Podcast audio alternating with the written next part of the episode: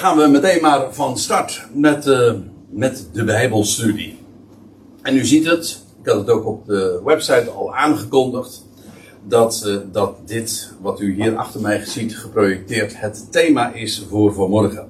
Als God zijn aangezicht verbergt. En degene die uh, vertrouwd zijn met, met het Bijbel lezen en die weten wat er zo in het Oude Testament staat, die realiseren zich wel dat deze uitdrukking heel wat keren voorkomt. Ik ga ze zeker niet allemaal uh, noemen, want dat zou echt te ver voeren.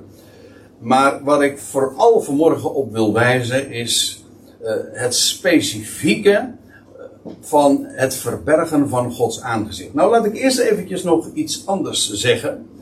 En dat is eigenlijk het contrast daarmee. Namelijk niet het verbergen van Gods aangezicht, maar juist dat hij zijn aangezicht uh, verheft. Of dat hij, hoe staat het er? In de, in, in de hoge priestelijke zegen in nummer 6. En degene die trouwens, ik zei, ik had het net over degene die vertrouwd zijn met het lezen van de Hebreeuwse Bijbel, de, het Oude Testament. Uh, maar uh, er zijn er hier ook heel wat die, zoals een goed Nederlander boven de rivieren betreft, uh, een Calvinistische wortels heeft. En dan kom je in de kerk en dan wordt daar in, in ik heb het even nagezocht, maar in de Psalm 97, de berijmde vorm, dan wordt er gezongen, uh, Gods vriendelijk aangezicht geeft, of heeft vrolijkheid en licht voor al oprechte harten. Hij gaat nog verder. Troost. En troost in smarten. Kijk, het is zo lang geleden dat ik hem zo gedaan Ja, ten troost verspreidt in smarten. Ja. Ja, nou daar gaat eigenlijk die, de beroemde hoge priestelijke zegen ook over. Het is de zegen die ik trouwens ook in diezelfde kerken waar ik het zojuist over had, ook na afloop altijd wordt uitgesproken. Uh, je moet zich realiseren, die, die woorden, die, die vinden we in nummer 6 en dan, dan wordt er dit gezegd. Spreek tot Aaron, dat was de hoge priester, en zijn zonen, dat wil zeggen het hoge priesterlijk gezag, want zijn zoon zou vervolgen de, de, de tweede hoge priester zijn. Weet u wie dat was? De tweede? Eleazar. Lazarus eigenlijk. Ja. Oké.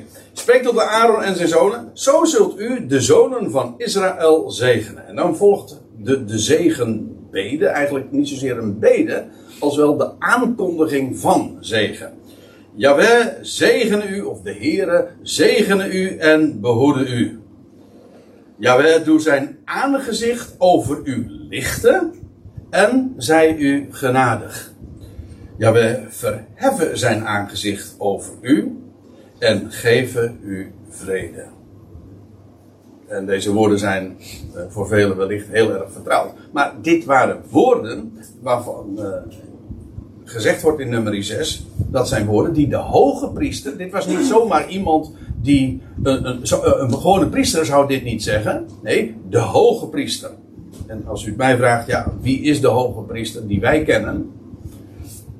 Zoals de, dat is de Heer Jezus Christus. Oké, u zegt van, nou, maar hij is toch specifiek de hoge priester van Israël? Jawel. Maar niettemin, hij is de hoge priester die nu in het heiligdom is. Daar gaat de hele Hebreeënbrief over. En hij zegent. En hij gaat Israël ook. Hij zal het volk, ik bedoel ook heel concreet dat volk Israël gaan zegenen. En wat doet hij dan? Dan zal hij zijn aangezicht uh, doen lichten. Of, en dat betekent eigenlijk zijn aangezicht verheffen en, en, en laten zien, tonen, openbaren. En dan zal het licht daarvan stralen. En dat betekent ook dat hij dan zijn genade gaat bewijzen en het volk vrede gaat geven. Dit is profetisch. Dit gaat ook inderdaad Israëls hoge priester heel concreet voor dat volk doen. En ik zeg dit juist ook omdat het aangeeft, uh, om meteen eventjes goed de, de toon te zetten. Dit is wat God voornemens is via de echte, de ware hoge priester gaat realiseren. En, en dan zal is de zonen van Israël, de Israëlieten, zullen zo ook als volk dat gaan beleven. Maar het thema is dus als God zijn aangezicht verbergt. Want die uitdrukking, zoals gezegd, die vinden we heel dikwijls. En laten we, ik ga een zevental schriftplaatsen, mooi het getal, niet maar, uh, een zevental schriftplaatsen met u zo langs. En we zullen vanzelf wel zien dan waar we, wat er allemaal uh, voorbij komt. De meest, ja, de, voor de hand liggende tekst om mee aan te vangen. Ik ga inderdaad op volgorde van het Bijbelboek zo ongeveer daar doorheen. Dat is in Deuteronomie 31. En Deuteronomium, Deuteronomium, dat betekent eigenlijk de tweede wet. U weet het hè. Deutero is twee, nomium heeft te maken met de wet. Uh, Israël kreeg ooit de wet, maar dat met de eerste, met de eerste zet ging het al, al mis voordat de wet goed en wel bij het volk was gearriveerd. U weet hoe dat gegaan is. De wet werd gebroken, verbroken. Ook dubbelzinnig trouwens. En letterlijk en figuurlijk. En toen uh, zei God van, nou, er zou een tweede wet komen. En, dat, en daarvan lees je dat die wet in het binnenste van de ark, in het heiligdom, bewaard zou worden. Niet meer opgelegd zou worden aan het volk, maar in het binnenste bewaard zou worden van het heiligdom. En eigenlijk dat is wat letterlijk de tweede wet ook is. In Deuteronomium 10 wordt dat ook beschreven. Maar Deuteronomium, dat is een, een reden in, in grote lijnen die, de, die uitgesproken is door Mozes. Vlak voordat het volk uh, intree deed in het land. Dat heeft Mozes zelf niet meer gedaan. Dat, is, dat deed degene die na Mozes kwam. Niet door Mozes komt men in het land, maar door degene die na Mozes komt, namelijk Jozua, Jehoshua. Maar ik hoop dat u nu oprijdt dat ik nu ook verschrikkelijk dubbelzinnig spreek. Niet door Mozes komt men in het land, maar voor degene die na hem komt. Niet de eerste, maar de tweede. En vlak voordat het volk, en dan zijn ze in de velden van Moab lees je, en dan, dan, dan doet Moab, uh, ja, God uh, spreekt dan allerlei dingen tot Israël bij monden van Mozes. En hij geeft al aan wat er allemaal zou gebeuren. En een van de dingen die worden aangekondigd, ja, is heel apart. Voordat het volk goed en wel uh, het land is binnengegaan, wordt al gezegd hoe het zou gaan. Namelijk dat uh, als het volk, en niet alleen maar veronderstellenderwijs, uh, van als, als zij kiezen voor die optie. Nee, dat het volk ook daadwerkelijk ongehoorzaam zou worden. En uiteindelijk zou het dan uit het land worden gezet. En dan zou. en dan zou ze vervolgens in de verstrooiing terechtkomen. Dat wordt allemaal al gezegd voordat ze zelfs maar het land binnengegaan zijn. Dus Deuteronomium is in hoge mate profetisch. Want zo is het ook daadwerkelijk in de loop der eeuwen, ik moet zeggen, de millennia, gegaan. Is als land ingegaan, vervolgens werden ze ongehoorzaam. Vervolgens uiteindelijk zijn ze in de verstrooiing terechtgekomen. Maar daar zou het niet bij blijven. Oké, okay. Deuteronomium 31. Te dien dagen zal mijn toorn tegen hen ontbranden, ik zal hen, uh, ik zal hen verlaten. Ja. U zegt, maar hij verlaat toch nooit wat zijn hand begon? Nee, maar hij onderbreekt het wel. Nooit, dat verlaat is nooit definitief. Ja, hij keert altijd weer Maar het is wel zo, God laat soms los. Ook daar zullen we het over hebben. Daar gaat het hier ook over. Te dien dagen, dat gaat hier namelijk, als je dit is vers 17 van Deuteronomium 31. En als je het voorgaande vers leest, dan lees je dat als het volk overspelig zou worden, moet zich realiseren. Dat is meer dan beeldspraak, maar de, de Heer is getrouwd met zijn volk. En als het andere mannen achterna gaat, dat wil zeggen andere goden, dan is dat in feite dus overspel. Of echtbreuk, maar zeggen wil. En dan als dat zou gebeuren, en dat zal gebeuren, te dien dagen zal, zal mijn toren tegen hen ontbranden. En ik zal hen verlaten. En mijn, en nou komt het, en mijn aangezicht voor hen verbergen. En wat betekent, ja, de term gewoon heel letterlijk neemt, aangezicht. Oké, die term, dat woord gebruiken we ook niet eens zo heel veel meer. we spreken maar gewoon over het gezicht, de verschijning van dat wat je ziet, eigenlijk het gezicht, is uh, hetgene wat in het zicht loopt. Uh, is. Dat is wat het gezicht is. Het eerste wat je ziet van iemand, normaal gesproken, dat, en waar je naar kijkt, dat is het gezicht. in feite staat het voor dat wat aangezien wordt. Dus in feite voor de hele verschijning, maar heel specifiek het aangezicht. dus dit, de face. En het aangezicht verbergen, dat wil zeggen, iemand wordt niet meer gezien. En vandaar ook dat het hier synoniem is met verlaten. Uh, hij, uh, de Heer zegt van, als het dan eenmaal zover zal zijn, te dien dagen, dan zal mijn toorn tegen hen ontbranden. Ja, en dat betekent ook, ik ga hen verlaten en ik, zij, ik zal mijn aangezicht voor hen verbergen. Zij zien mij niet meer. Ik ben dan voor hen verborgen. En wat dat dan in gaat houden, nou dan lees je zodat zij verteerd worden en vele rampen en benauwdheden hen treffen. Nou, dat klinkt niet uh, erg aangenaam, natuurlijk, maar het is wel, dat moet ik erbij zeggen, een enorm accurate beschrijving van wat er daadwerkelijk ook is gebeurd. Uh, als God zijn aangezicht verbergt, dat zo staat het hier ook, hè? mijn aangezicht voor hen verbergen, zodat, dus met als gevolg dat, zij verteerd worden, vele rampen en bovendien ook benauwdheden hen gaan treffen. Dat is dus in feite synoniem. Als, dat, als God dat doet, als God zich niet meer laat zien, dan gaat het licht uit, om zo te zeggen, en dan wordt het donker. En wat betekent dat? Nou, dat betekent dat ze verteerd worden en dat, uh, en dat rampen en benauwdheden hen zullen overkomen. Uh, dan staat er in nog trouwens in het vervolg van hetzelfde vers. En dan zullen zij te dien dagen zeggen: Hebben die rampen ons niet daarom getroffen, omdat onze God niet in ons midden is? En het antwoord is ja, exact. Dat is de reden. Want inderdaad, God heeft hen uh, verlaten. Eigenlijk ook uh, is het zo, hij heeft hen uh, weggestuurd. En uh, met als gevolg voor Israël die rampen. En, kijk, ik weet wel, ja, dat heeft ook te maken met het feit dat de kerk zich Israël heeft gewaand en die dacht ook altijd dat als er u kent, dat, u kent de verklaring natuurlijk wel dat als mensen allerlei ellende treft, rampen en zo, dan denken ze, oh dat komt omdat God uh, toornig is of zo.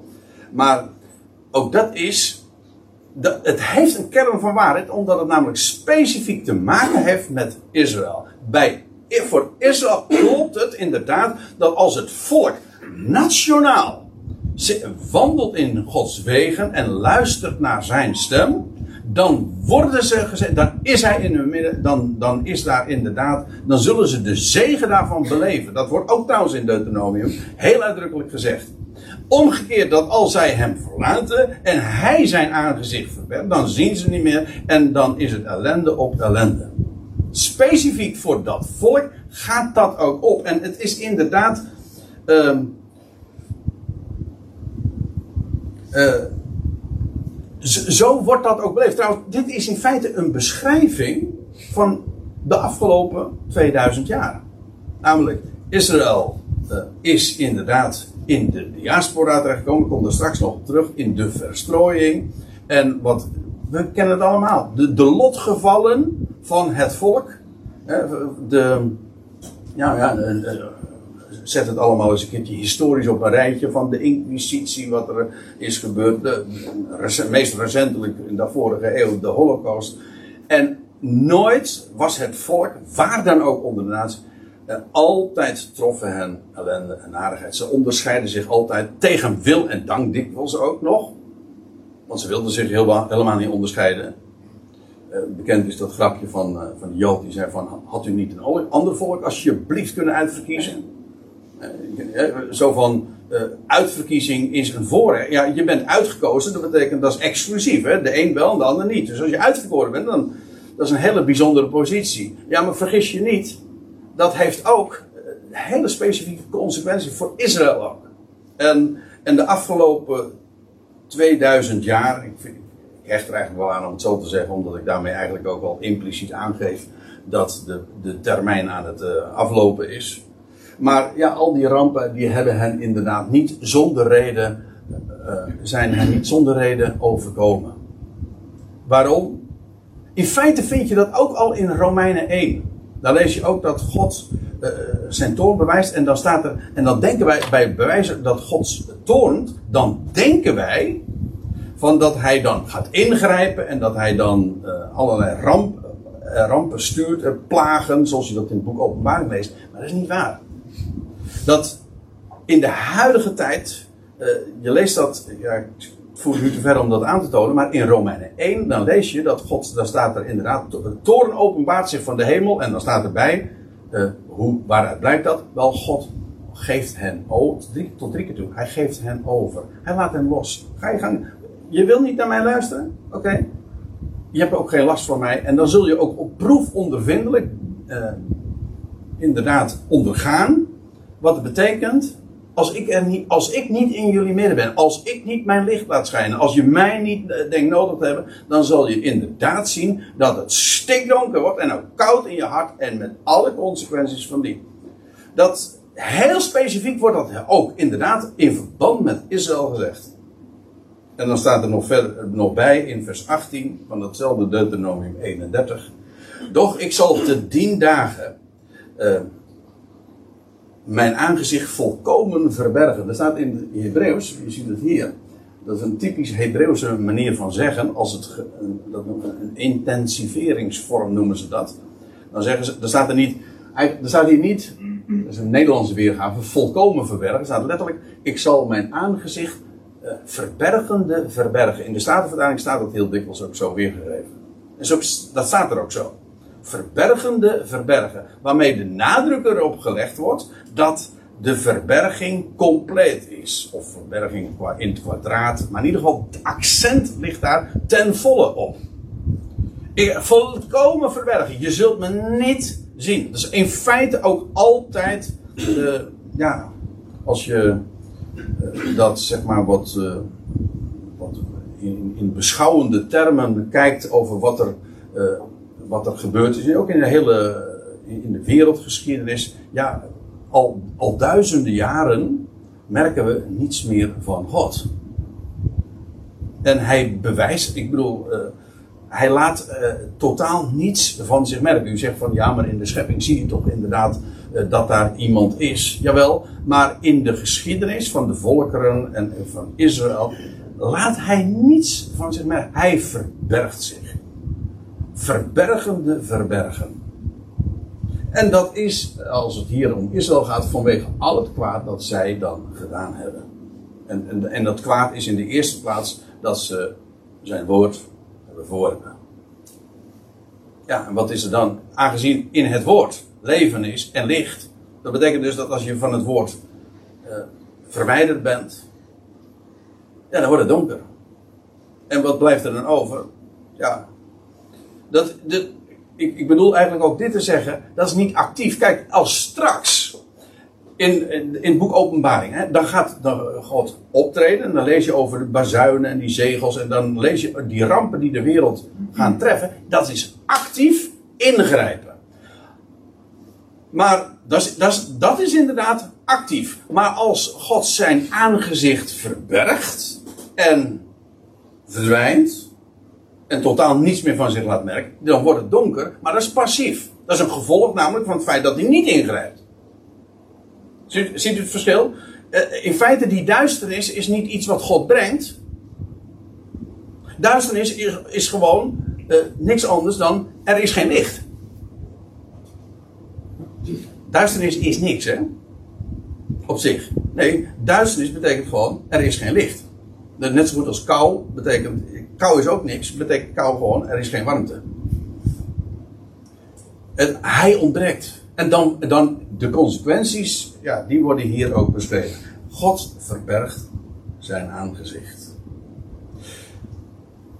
De tweede schriftplaats, in datzelfde Deuteronomium, iets daaraan voorafgaand, in Deuteronomium 29. Deze tekst kent u wellicht. Deuteronomium 29, vers 29. Dat is een heel aparte tekst. En het wordt trouwens ook heel vaak misbruikt. Het wordt ook heel vaak een beetje als dooddoener gebruikt. Als we dingen niet begrijpen, dan zeggen we ja, de verborgen dingen zijn van de Heer onze. Op zich is dat, dat is waar, maar het kan een dooddoener zijn. Het gaat namelijk. Kijk, wat staat er? Nou, laat ik hem eerst lezen. De verborgen dingen zijn voor Yahweh, onze God. Maar de geopenbaarde zijn voor ons, Israël. En onze kinderen, de zonen Israëls. Voor eeuwig. Hè, voor de Aion en verder. Opdat wij al de woorden van deze wet volbrengen. Dat gaat namelijk ook nog gebeuren. Niet bij de eerste wet, maar bij de tweede wet. Niet bij het oude verbond, bij het nieuwe verbond. Maar nu, de verborgen dingen zijn. Deze tekst, als je het in zijn verband bekijkt, lijkt echt.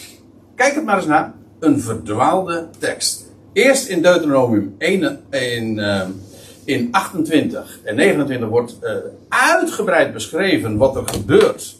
En wat uh, Israëls lotgevallen zouden zijn op het moment dat ze inderdaad God verlaten. En hoe hen de rampen zouden treffen en hoe ze verstrooid zouden worden onder de natie. En dat, ze, en dat, ze, en dat de hemel, dus zo staat er ook, de hemel zal als van koper zijn. Dat wil zeggen, ze bidden tot God en, en, en totaal geen respons.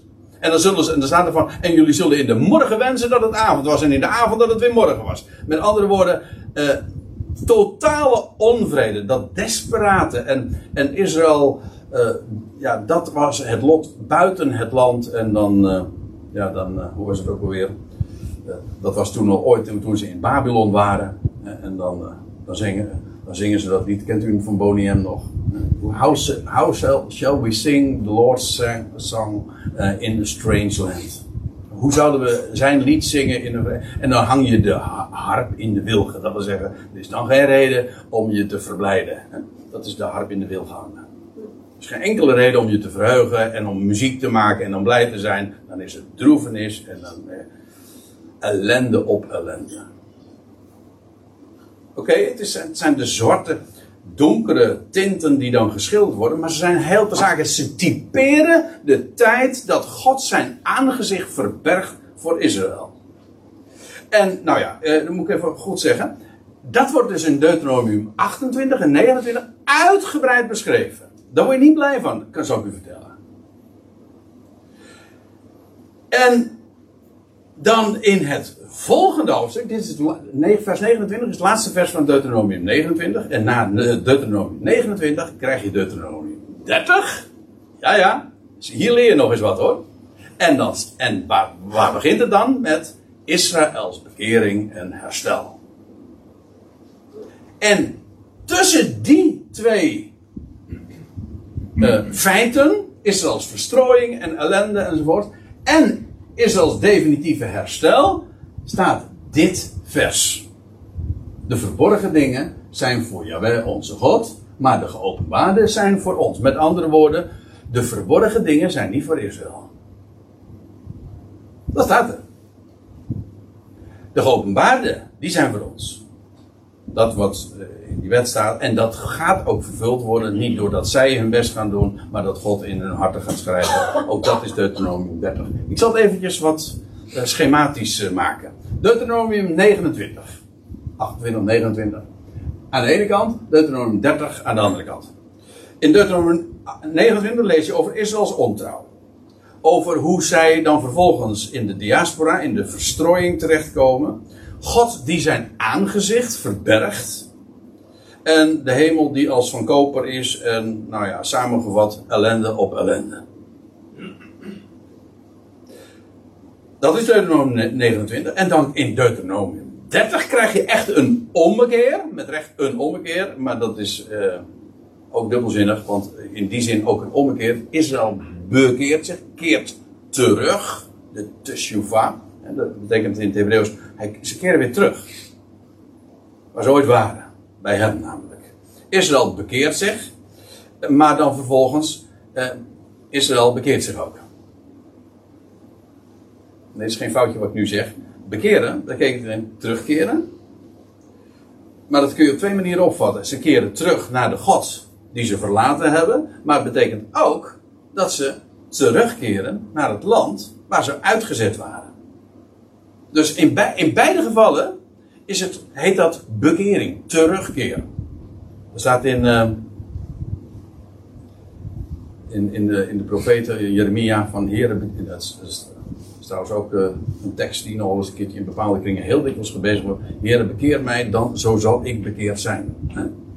Ja, maar... Hè? Een hele bekende. Een hele bekende. Ja, bekeer mij, zo zal ik bekeerd zijn. Maar dat is dus, uh, zij bekeer, ze, ze, uh, als God uh, hen terugbrengt, dat, is, dat valt samen met het moment dat ze zich tot hem wenden. En beide heet een bekering. Ik zal u trouwens nog wat anders zeggen. Het is niet alleen maar een bekering van het volk van harte. Ze keren terug naar hem. En dat ze terugkeren naar het land. Maar het is nog zo, ook de Heer keert terug. Keert weder. Staat echt in Deuteronomium 30, ik meen van vers 6. Kijk het maar eens naar, in een van die eerste acht of negen versen. En de letter, in de staten, in de, helaas staat het in de NBG niet weergegeven, maar de Statenvertaling staat correct. En dan staat er van, uh, de Heer zal hen wederbrengen en de Heer zal tot hen wederkeren. Dan weet je meteen ook wanneer het is, namelijk bij de, de wederkering of de wederkomst van de Heer. Dan zal dit gaan uh, worden gerealiseerd. Ook de Heer keert dan terug. En dan lees je, is als hart wordt besneden. Dat betekent gewoon dat de bedekking van het hart wordt weggenomen. Daar we straks nog op terug. En bovendien, dat lees je dan ook, en de Heer zal hen in overvloed gaan zegenen. Van het goede. Zoals uh, je leest in die tijd van verstrooiing en dat de Heer zijn aangezicht verborgen heeft, dan is het duisternis, ellende en kwaad en honger en gebrek aan alle mogelijke ellende en benauwdheden die je maar kan voorstellen, die zullen ze dan treffen. En dat is ook de beschrijving van de afgelopen 2000 jaar. En ik moet erbij zeggen, het einde is het nog niet. Maar dan, na die ommekeer, ja, dan, dan vervolgens zal God ze hen uh, zegenen in overvloed. En nou, waar, om het eventjes het schemaatje compleet te maken, want daarom doe ik het. Precies tussen deze twee groepen van teksten, of eigenlijk deze, tussen deze twee hoofdstukken, vind je deze zogenaamd verdwaalde mededeling. De verborgen dingen zijn voor de Heer onze God. Ja, wat ligt er tussen Israëls verstrooiing en enerzijds en haar herstel? Wel de verborgen dingen. De tijd dat de Heer zich verbergt, maar ook dat de Heer bezig is met verborgen dingen. Ik zal u vertellen, daar, gaat, uh, daar gaan de brieven van Paulus over, met name. Aan wie, hij zegt, aan mij is de verborgenheid bekendgemaakt. Oh, de dingen die in het Oude Testament verborgen zijn, waar, waar een sluier over ligt, die onthult hij. Dan neemt hij de bedekking van weg. En hij laat zien hoe de schriften, uh, de wat verborgen is in de schriften, onthult hij. En over, juist in dat tijdvak tussen Israëls verstrooiing en Israëls herstel, daar zijn die verborgen dingen. En die zijn voor hem. Die hebben ook trouwens de hoogste bestemming. God doet vandaag een verborgen werk. Hij, hij, verzamelt zich een volk uit de natieën en die hebben de hoogste bestemming. Het is voor hem, niet voor Israël. Zie je hoe actueel dit is? En hoezeer dit juist ook te maken heeft, die, de tijd dat God zijn aangezicht verbergt, dan zou je zeggen van, nou dat is niet fijn. Want dan wordt het donker namelijk. Ja, en in die periode van Gods verborgenheid, voor Israël en daarmee ook voor de volkerenwereld, wat God ja, handelt nu eenmaal via dit volk, doet hij een geweldig werk. En dat is speciaal voor hem. Dus ja, de verborgen dingen gaat nou, gaat nou niet lukraak zo'n tekst uh, toepassen op zich van ik snap het niet. Nou ja, de verborgen dingen zijn voor de Heer onze God. Nee, want dat is echt, ja, je misbruikt in feite zo'n tekst. Het gaat juist om de tijd waarin wij nu leven. Tussen Israëls verstrooiing en herstel. Oké, nou. De derde schriftplaats. Jezaja 8.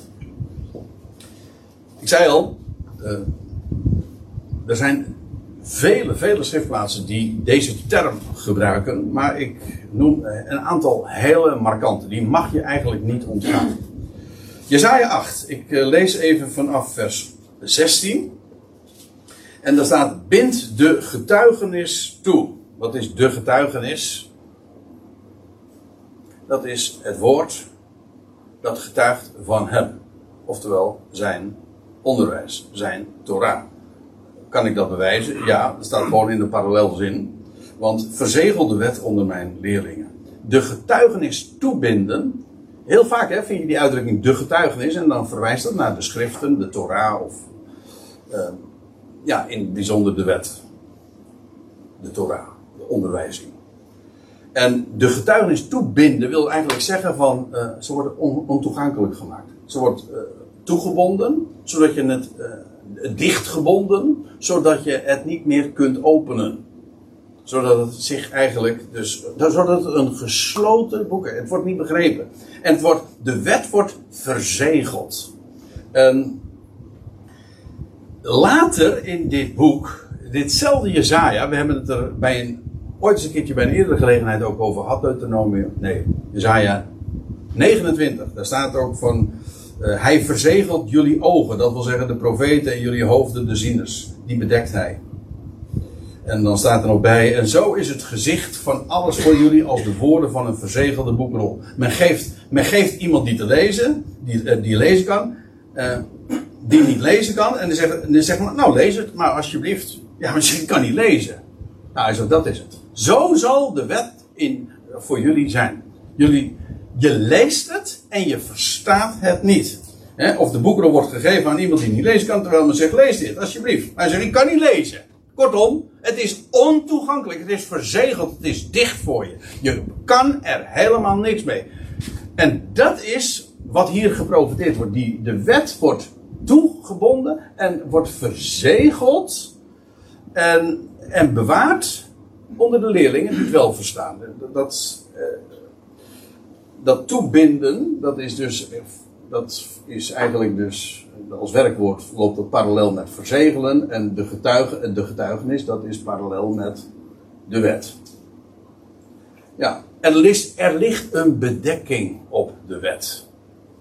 En als er een bedekking op ligt, ja, dan kun je er weliswaar uh, kennis van nemen. Maar je zult niet begrijpen, hè, het is bedekt. Dat is precies ook wat. Uh, ja, wat bijvoorbeeld Paulus zegt van dat er uh, uh, tot de dag van heden, staat er in 2 Korinthe 3, ligt er een bedekking op hun aangezicht en ze verstaan het niet. En dan kun je er, dan kun je zozeer vertrouwd zijn met alle dingen en toch niet begrijpen. En hoe komt dat? Er staat er, omdat ze slechts verdwijnt, die verdekking, in Christus. En op het moment dat Israël gaat ontdekken waar heel de wet van spreekt. Niet van wat zij moeten doen, maar van wat God in hem gedaan heeft en zal doen. Ja, dan wordt de bedekking weggenomen. Ja, dat is al uh, geweldig. En dat is ook trouwens precies uh, de besnijdenis van hun harten. De besnijdenis, gewoon fysiek gezien, is ook het wegnemen van de voorhuid, van een bedekking. En de besnijdenis van het hart wil zeggen, de bedekking wordt van het hart weggenomen. En dat is dus met recht een ontdekking. De ontdekking die Israël letterlijk zal doen, is dat heel de schrift, heel de Torah spreekt van hem, de opgewekte uit de doden. En op het moment dat dat, uh, dat licht gaat schijnen, ja, dan wordt de bedekking weggenomen. Maar hier wordt gezegd van bind de getuigenis toe, verzegel de wet onder de leerlingen en er staat erbij. En ik zal wachten op Yahweh, die zijn aangezicht verbergt voor het huis van Jacob. Ja, op hem zal ik hopen.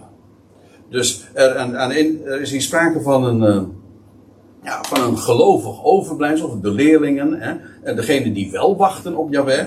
En die zullen verstaan waar de wet over gaat en de getuigenis. Maar voor de rest, voor het volk, is hij verborgen. Maar ook, en dat is het aparte, niet alleen maar hij zelf verbergt zich maar ook het woord wat hij aan heeft gegeven is verborgen en ze ontoegankelijk. Ze begrijpen het niet. En dan kun je er nog zoveel kennis van nemen en al die lettertjes gegeten hebben. Als de betekenis je ontgaat, dan weet je dus helemaal niente, niks. Helemaal niets. Ook hier weer voor het huis van Jacob. Nou, heel apart. Jacob is de term van, van, de, van die man die daar twintig jaar in het buitenland was, weet u wel. En toen kwam hij weer terug. En toen ging de zon op, was het hè? De zon, toen de zon, je, je leest van Jacob als die, uh, als die naar het buitenland gaat. Want hij, wilde, hij was bezig met zoveel te, werk, uh, te werken en zo. En dat bracht er niks op. En vervolgens gaat hij dan uh, gaat hij naar het buitenland en dan staat en de zon ging onder. Dan lees je die geschiedenis van Bethel, weet je wel, dat God zijn belofte geeft. En dan twintig jaar is hij daar bij zijn oom Laban. En op een toevallige manier wordt hij dan toch nog weer gezegend. Maar allemaal toestand. En uiteindelijk keert hij na die twintig jaar weer terug. En dan staat er en de op. En dan verschijnt de Heer ook aan hem. Letterlijk. Ja, dan verschijnt de Heer aan hem. En die man die met hem worstelde, weet je wel. En dan, hoe noemt hij die plek? Pniel. Dat betekent, Pniel betekent weer dat aangezicht van God. Pni is het aangezicht. Is het aange dan ziet het aangezicht van God. En dan wordt, en dan wordt Jacob Israël. Je zult niet meer Jacob hebben, maar Israël. Zie je hoe. Eh, dit is zo logisch. Dit, dit is precies wat de, wat de schrift al in typen aangeeft, maar ook profetisch werkelijk expliciet heeft aangekondigd. Wat daadwerkelijk ook in de loop van de historie, van de wereldhistorie, van Israëls historie, is vervuld. En wat, waar het wachten is op het moment dat hij zijn dat de Heer gaat verschijnen, Priel, en dat is het einde van die twintig jaar, en dat Jacob terugkomt in het land. En dan heet hij geen Jacob meer, maar dan heet hij Israël. Wat een uitzicht, man.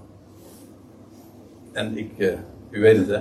En ik eh, deel dit, uh, ik deel dit perspectief met zoveel hier. Ik vind het zo geweldig dat we aan het einde van die 20 jaar zitten. Als u begrijpt ik bedoel. 20 eeuwen, oké. Okay.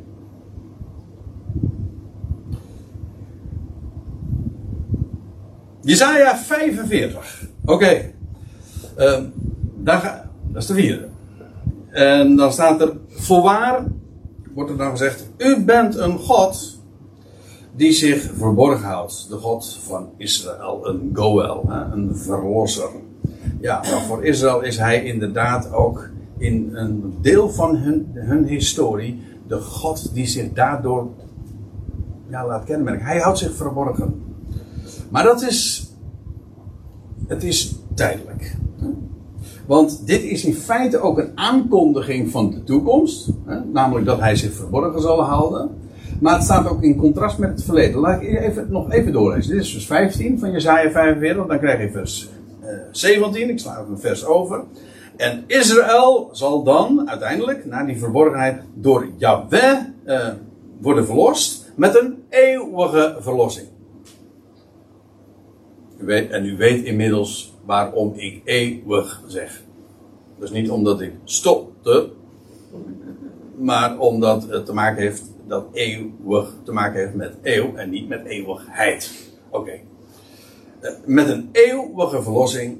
En u zult nog beschaamd staan, nog te schande worden in toekomende eeuw. Ook Israël hoeft zich niet meer te verbergen dan. Eigenlijk is dat de gedachte. En dan sla ik weer een vers over, dan kom ik in vers 19 en dan staat er van: Ik heb niet in het verborgene gesproken, nog ergens in het land der duisternis. Dat is apart toen zij nog in het land waren, toen heeft God ook altijd hè, acte de présence gegeven. Dat wil zeggen, als hij aanwezig was, hij bewees zich ook. Toen hij, laat ik het anders zeggen, toen Israël uit Egypte uh, trok. Toen vervolgens kwamen, kwamen ze in de woestijn en de Heer heeft voor hen gezorgd. En ze, 40 jaar lang. Vervolgens komen ze daar in het land op een wonderbaarlijke wijze. En, en zelfs de, de, de alle inwoners van Canaan, die wisten het. Er was daar geen ene atheïst. Want het bestaan van God en dat hij de God van Israël was, was zelfs voor de buitenlanders volstrekt helder. En dat zegt Rahab dan ook hè, in Jericho, als ze dan tegen die verspieders. Ja, wij weten dat de God van, dat jullie God uh, zich bewijst. En ze, ze, ze met grote vrezen dat als ze zich tegen die God zou keren. Want dan leg je het altijd bij af. Maar het was. Want ze hadden gehoord van al die daden, van die wonderen over de, over de doortocht door de Rode Zee, maar ook de doortocht door de Jordaan. Wonderen, dat gewoon volstrekt evident is van dat is niet een mens, dat is niet natuurlijk, dat is Gods weg. Dat was, kijk, God heeft ooit zijn woord gegeven aan dat volk en dat was toen in die tijd niet in het verborgen hoor. Hij bewees zich zodat het evident was. Ik bedoel, zintuigelijk, waarneembaar, wetenschappelijk, zeg maar. Ja, en, uh, en toen, in die tijd was het ook niet van zoek mij te vergeefs. Nee, want het was duidelijk, hij was daar. En hij bewees zich. Maar, goed, de tijd dat hij zich verborgen zou houden, dan is het, dan is, op het moment dat ze in, in het buitenland verdagen, ja, daar, uh, of vernachten moet ik eigenlijk zeggen. Op dat moment, uh, ja, dan uh, is de hemel van koper en dan, waar is hij? Waar is hij dan? En totdat dan op een gegeven ogenblik het kwartje valt, ja, maar dat is omdat wij hem verlaten hebben en omdat hij zijn aangezicht verborgen heeft. Als dan, hen dan bang te moedigen, dan staat er ook, zij zullen zijn aangezicht gaan zoeken. Hoezo zoeken? Ja, hij heeft hem verborgen. Anders hoef je niet te zoeken. Jezaja 54, de vijfde schriftplaats.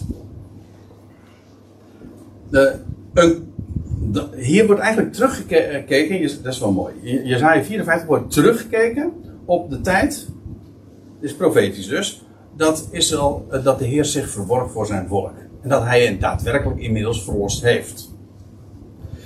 En dan staat er, een kort ogenblik heb ik u verlaten.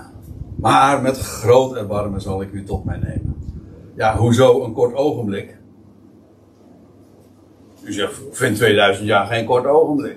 Nee, dat hangt er vanaf waar je het mee vergelijkt. Kort en lang, dat zijn relatieve begrippen. Iets is kort ten opzichte van iets wat lang is. Hè? Nee, ik ga het niet hebben over de speculativist. Uh, Dan hadden we het over korte benen, maar goed. Uh. korte benen, benen niet.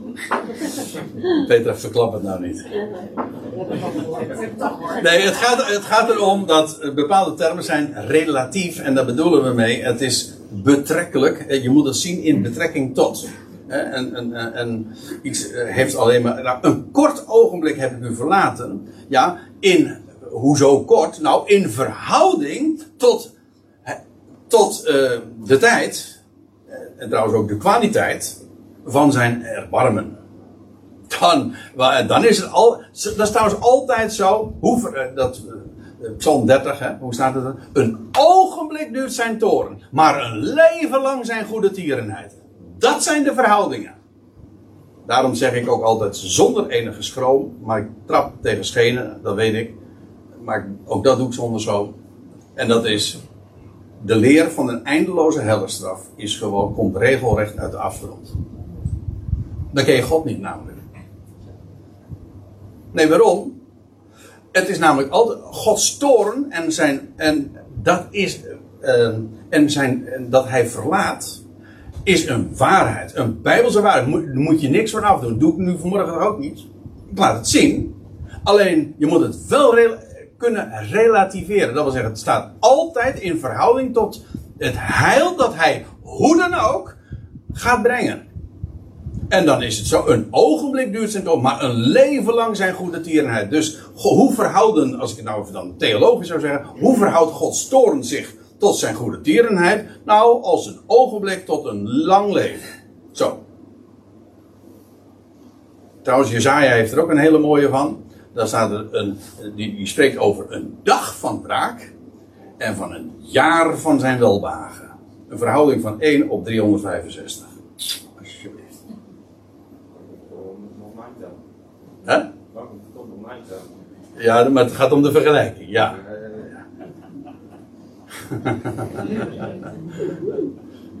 Eigenlijk, daarom is deze ook veel beter. Eh, deze film, eh, Een leven lang, dat is gewoon een lang leven. En langste leven dat ik ken is een, leven wat helemaal eindeloos is. Oké, een ogenblik heb ik u verlaten, maar, maar met een groot erbarmen zal ik u tot mij nemen. In een uitstorting van toorn heb ik mijn aangezicht een ogenblik voor u verborgen. Maar met eeuwige goede tierenheid ontferm ik mij over u, zegt uw losser, uw Boas. Hè, uw, degene die het land weer loskoopt en jullie loskoopt en bevrijdt. Dat ben ik. Dat is God. En, en hier wordt eigenlijk teruggeblikt op die tijd eh, die daar, eh, ja, dat, dat Israël inderdaad weer in het land is. En dan zullen ze inderdaad dit zeggen. En dan zal de Heer dit ook zeggen. Jezaja 59, nog eentje. Dus de ene laatste. Een tekst trouwens die ook dikwijls gewoon algemeen wordt toegepast. Maar het gaat specifiek over Israël. Uw, uw ongerechtigheden zijn het die scheiding brengen tussen u en uw God. En uw zonden doen zijn aangezicht voor u verborgen zijn. Zodat hij niet hoort. En daar heb je weer die hemel van koper. Wa- Waar is hij dan? Hij is toch liefde? En waar is God? Hoe vaak vind je het ook niet in de psalmen? Hoe lang nog, heren, houdt u u verborgen? Psalm, eh, wat is het? Eh, 90, ja, psalm 90. Ook het lied van Mozes trouwens. Hoe lang nog? Ja. En, maar eh, waar is hij? hij en, en, en dat eh, daar inderdaad totaal niet die, die, die communicatie is. Maar wat zal het zijn als hij inderdaad zijn aangezicht weer voor hen doet, verheft en zijn aangezicht doet lichten? Dan hoort hij. Nou, en dan komen we bij de laatste schriftplaats. Ezekiel 39. Ezekiel 37 is dat hoofdstuk dat gaat over die door het doodsbeenderen, weet je wel? Dat Israël hersteld wordt als uit de dood, opstaat. Op de derde dag, dat weet u. Ehm ach, eh, Ezekiel 38 en 39 zijn profetische hoofdstukken die gaan over Israëls. ehm, over, de, over Gog en Magog. Dat zijn die volkeren die in het uiterste noorden van Israël zijn. Zich bevinden. Het volk. Poetin? Nou, ik, als, je, als je pak een landkaart, een wereldkaart, en je, je kijkt naar het land van Israël en je gaat gewoon eh, helemaal, je trekt een rechte lijn naar boven, in het, naar het uiterste noorden, het land wat het, meest noordelijk ligt, ja, dan kom ik echt uit in Rusland. Sterker nog, ik kom rechtstreeks in Moskou terecht. Kijk maar, kijk maar eens na. En, ehm, maar dat volk, dat je leest dan in Israël 38, 39, is een- oh, oh, God, daar moeten we het nog eens een keer apart over hebben. Maar eh, dan lees je inderdaad dat eh, God hen zal trekken met haken, staat er, en hij zal hen brengen in het land en hij zal hen op de bergen van Israël verslaan. En eh, dat zal zo'n enorme veldslag zijn dat ze zeven maanden, of acht, wat was het? Ze- Nee, zeven maanden. Ja, zeven natuurlijk, uiteraard. Eh, zeven maanden de eh, nodig hebben om al dat, die, die, oorlogs, dat oorlogstapels te verbranden. En is eh, goedkope energie. Is, hè, dat, hè? is ook wel handig hè, vanuit Rusland. Nou ja. In ieder geval, waar Gog en Magog allemaal dan weer goed voor is, want die zorgt dan voor brandstof. Maar ze, de, hè? Waarom, waarom de aarde open? Vind je dat nodig, eh, Priscilla? Lekker.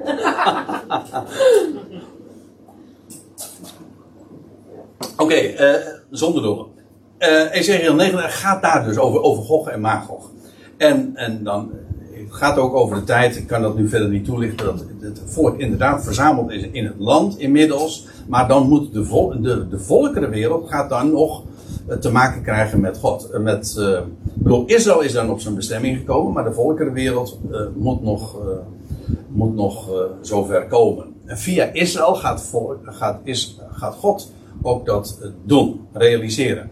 En waar het. eh, en dan gaat hij dus eh, ook Gog en Magog in het land brengen. En dan, en dan, dan staat er. En de volkeren zullen weten dat het huis Israëls om zijn ongerechtigheid in ballingschap is, is gegaan. Hè? De volkeren zullen dat dan ook weten. Dus we hebben het hier dus inderdaad over een tijd dat het inmiddels volstrekt evident is voor de natie in het algemeen dat Israël ooit om haar ongerechtigheid en ongeloof uit het land is gezet. Maar ook weer vanwege geloof is teruggebracht. En dan zullen ook de volkeren dat weten. En die zijn daar hardhandig, zeg maar, op, met hun neus op de feiten gedrukt. Omdat zij mijn ontrouw geworden waren. eh, omdat zij mij, nee, moet zeggen, omdat zij mij ongetrouw geworden waren, had ik mijn aangezicht voor hen verborgen en hen overgegeven. Is precies waar ik het zojuist over had.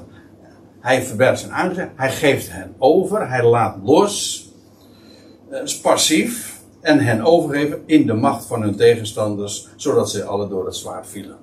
Nou, zo is het inderdaad gegaan. En hier ook weer eh, mijn aangezicht voor hen verborgen. Eh, naar hun onreinheid en hun overtreding heb ik hen behandeld en mijn aangezicht voor hen verborgen. Had God ook gezegd, zo zal het gaan. En zo is het gegaan. En die termijn loopt ten einde en daar gaat Ezekiel 39 over. Ja, en nou wil ik nog één dingetje eventjes eh, eh, erbij zeggen. Ja, ik moet het kort doen, maar ik wil hem toch even vermelden. Want hier staat eh, in het Hebreeuws hetzelfde woord als het woord eh, Esther. Nou, en dat is, dat is de naam van het Bijbelboek. Ja, klopt. En Esther betekent letterlijk vanuit het Hebreeuws. Het wordt, vaak een beetje verdonken maand omdat men het in verband brengt met andere talen. Maar in het Hebreeuws betekent het: ik zal verbergen. Dat is Esther. Dus Haar, andere, haar Hebreeuwse naam was trouwens eh Hadassah. Maar Esther in het, He- vanuit het Hebreeuws betekent dus inderdaad: eh, ik zal verbergen. Ja, je ziet het hier ook. Eh, ik verberg of Esther. Ja, en dat is ook weer zo pa- eh, frappant. Want heel het boek Esther gaat daarover. Over God die zich verbergt. Zijn, dus het enige Bijbelboek waar Gods naam niet in voorkomt. Er wordt ook trouwens in, in het hele boek niet gebeden. Nou ja, wel gevast trouwens. Maar dat is eigenlijk ook gewoon een eentje niet. Hè? Maar eh, niet. Er geen priester, helemaal niets. Het volk bevindt zich in de, het Joodse volk in de diaspora. En een totale uitroeiing van het volk dreigde. We kennen het allemaal, het verhaal over, over Haman. En ja, door toevalligheden wordt het noodlot afgewend. Maar iemand zei ooit eens een keer, ik heb het niet van mezelf, maar ik vind het wel een mooi toeval. Dat is eigenlijk gewoon God incognito. Je denkt, oh, het valt mij zomaar toe. Hè, zomaar, hè? We toeval. Ja, maar wie doet dat toevallen? Ja, maar dat, eh, en, dan- en dan, eh, ja, toevallig, toevallig kon Ahorveros een nacht niet slapen. Toevallig, ja, dat dat gebeurt iedereen wel eens een keertje, hè? Ja, en toen, zei, en toen, ging hij, en toen liet hij maar eh, een stuk eh, voorlezen uit, zijn, uit, de, uit de documenten, uit het archief. Ja, het zal ook niet zo'n actief geheugen hebben eh, gehad of zo, weet ik veel. Dat heb je wel eens vaker met machthebbers. Hè? Maar geen actieve herinnering. En toen liet hij voorlezen en toen zei oh, wacht even, zo was dat. En toen, en dan krijgt het hele ommekeer. En dan wordt het, het noodlot afgewend. Maar dat is, dat is het boek Esther. De Heer verbergt zich. En terwijl het volk inderdaad de grootste dreiging ondervindt, is het God die op een wonderlijke wijze zijn volk niettemin bewaart. Dat is het boek Esther. Hij verbergt zich. Er gaat dus een heel Bijbelboek over. Dus wat doet dat boek in de Bijbel? Gods naam staat er niet in. Staat er niet in. Nee, dat is nu juist het hele punt. Zijn naam staat er inderdaad niet. Hij verbergt zich. Daar gaat het over. En dan heb ik het laatste vers nog eh, dat ik wil lezen vanmorgen. En dat is. En ik zal mijn aangezicht niet meer voor hen verbergen. Aha. Dat betekent dus. Hier is. eh, begin van het Messiaanse Rijk. Israël is teruggebracht. Ook de volkeren zijn inmiddels zullen weten wie hij is. En die zullen weten hoe de vork en de steel is. En dan zegt God: Ik zal mij, mijn aangezicht niet meer voor hen verbergen. En dat zal zijn wanneer ik mijn geest over het huis Israël heb uitgestort. Pinksteren voor Israël. Jazeker. Luidt het woord van de Heer Jawel. Nou, en je kunt er donder op zeggen, sorry dat ik het zeg. Dat als hij dat zegt, dan gebeurt dat. Hij heeft een hele, in de schrift vinden we een hele goede track record, zeg maar, van hoe hij dat, hoe hij zijn woord per definitie en altijd accuraat tot in de details waar maakt. Kijk, dat is de God waar we mee van doen hebben. En als hij zegt, ik ga mij verbergen, dan doet hij dat ook. En als hij zegt van, ja, maar dan betekent dat duisternis en ellende en benauwde, dan is dat ook zo. En dan kun je dat leuk vinden of niet. Nee, dat vind ik nooit leuk natuurlijk. Leuk is het sowieso niet. Het is, af, is een drama. Maar het geweldige is, daar komt een einde aan. Dat is altijd zo. Ook weer per definitie, dat is onze God. En hij, het komt zover dat hij inderdaad niet alleen Israël, maar heel de volkeren wereld laat delen. En dan zal zijn aangezicht over hen lichten. En dan zal er vrede zijn. Ja, dan moet ik nog samenvatten. Dat is ook zo. Nou ja, ik zal hem op internet zetten. Ik zal het alleen voor. Ik lees hem alleen voor. God, verwer, God verbergt zijn aangezicht voor Israël vanwege ongeloof. Ze komt terecht in de diaspora. Wat heel veel onheil treft. Maar ook wonderlijk bewaard blijft. De schrift zal voor hen verzegeld zijn. En deze tijd van verborgen dingen is speciaal van en voor Jahweh. En na die termijn zal hij terugkeren en het volk bijeenbrengen vanuit de natie. En de voorhuid van hun harten besnijden. Oftewel, de bedekking wegnemen. En dan is de tijd van verberging definitief ten einde.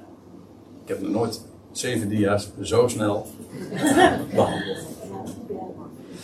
Goed, zullen we het daarbij laten voor vanmorgen?